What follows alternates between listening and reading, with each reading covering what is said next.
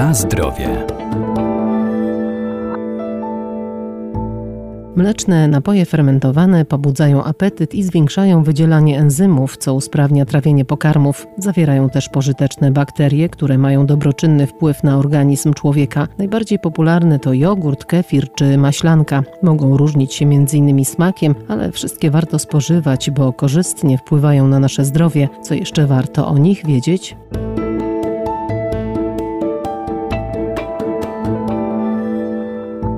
Mleczne napoje fermentowane zawierają pożyteczną mikroflorę, są źródłem pełnowartościowego białka, a także wapnia, lecytyny czy witamin z grupy B oraz A i D. To także naturalne probiotyki. Napoje fermentowane, mleczne napoje fermentowane to przede wszystkim jogurt, kefir, maślanka. Różnica, tak w kilku słowach, będzie polegała po pierwsze na smaku, dlatego że jogurt będzie najmniej, nawet jogurt naturalny, będzie najmniej takim agresywnym napojem fermentowanym. Doktor habilitowany Bartosz Sołowiej, profesor uczelni Wydziału Wydział Nauk o Żywności i Biotechnologii Uniwersytetu Przyrodniczego w Lublinie. Kefir i maślanka są bardziej agresywne, najbardziej kefir, ale to mówię tylko agresywne ze względu na, nie na działanie, ale na smak, chociaż są na rynku kefiry o większej zawartości białka, które już ten smak mają mniej intensywny, bardziej zbliżony do, do jogurtu. Na pewno mikroflora i myślę, że tutaj dobrze jest wybierać jogurty probiotyczne, aż chyba to jest w tym momencie główny cel wytwarzania tych napojów fermentowanych, żeby produkować napoje z probiotykami, które oprócz tego, że dają nam specyficzny smak, to tak naprawdę tworzą z tego produktu napój prozdrowotny, czyli napój, który łagodzi różnego rodzaju problemy jelitowe, problemy żołądkowe. Często nawet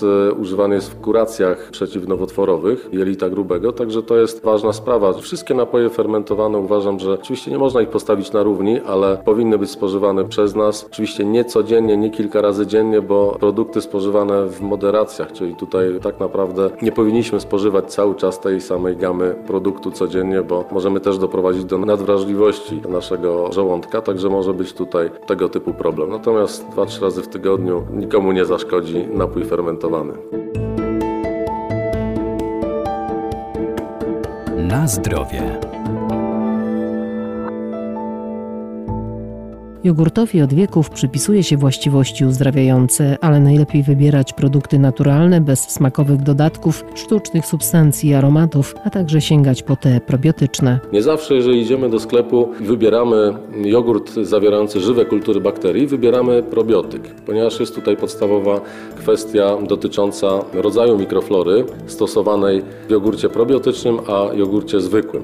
W jogurcie probiotycznym stosowane są najczęściej lactobacillus casei, Lactobacillus acidophilus, Bifidobacterium bifidum, ale to muszą być e, specjalne szczepy bakterii. Oczywiście probiotykiem może być tylko i wyłącznie bakteria, która przetrwa nasze ciężkie warunki panujące w żołądku, czyli różnego rodzaju kwasy żołądkowe, niskie pH i tak dalej. Spożycie zwykłego jogurtu, który zawiera żywe kultury bakterii Streptococcus thermophilus i Lactobacillus bulgaricus, niestety na długo nam nie wystarczy, dlatego że ta mikroflora nie przetrwa tych ciężkich warunków. Zanim dostanie się do jelita, to często te bakterie już po prostu nie przeżywają. Natomiast probiotyk ma za zadanie dostać się do żołądka, tam osiedlać się i walczyć z patogenami, krótko mówiąc, czyli z tymi złymi bakteriami, które nas atakują i ma działać e, prozdrowotnie. Także taka jest różnica między tymi bakteriami fermentacji mlekowej. Co jest potrzebne do stworzenia jogurtu? Pierwsza sprawa mleko, do tego żywe kultury bakterii i mleko w proszku.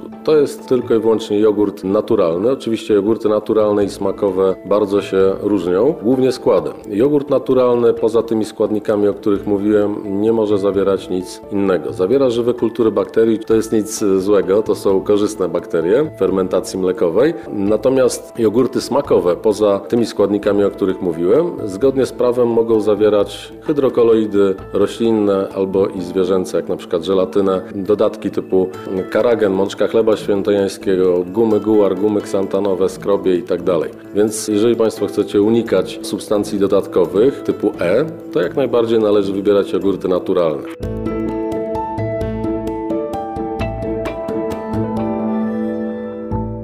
Inne mleczne napoje fermentowane to m.in. rzętyca z serwatki owczej pochodząca z terenów wschodnich Karpat, kumys popularny na Kaukazie i w Chinach, czy turecki ajran, napój wytwarzany z jogurtu i wody. Na zdrowie.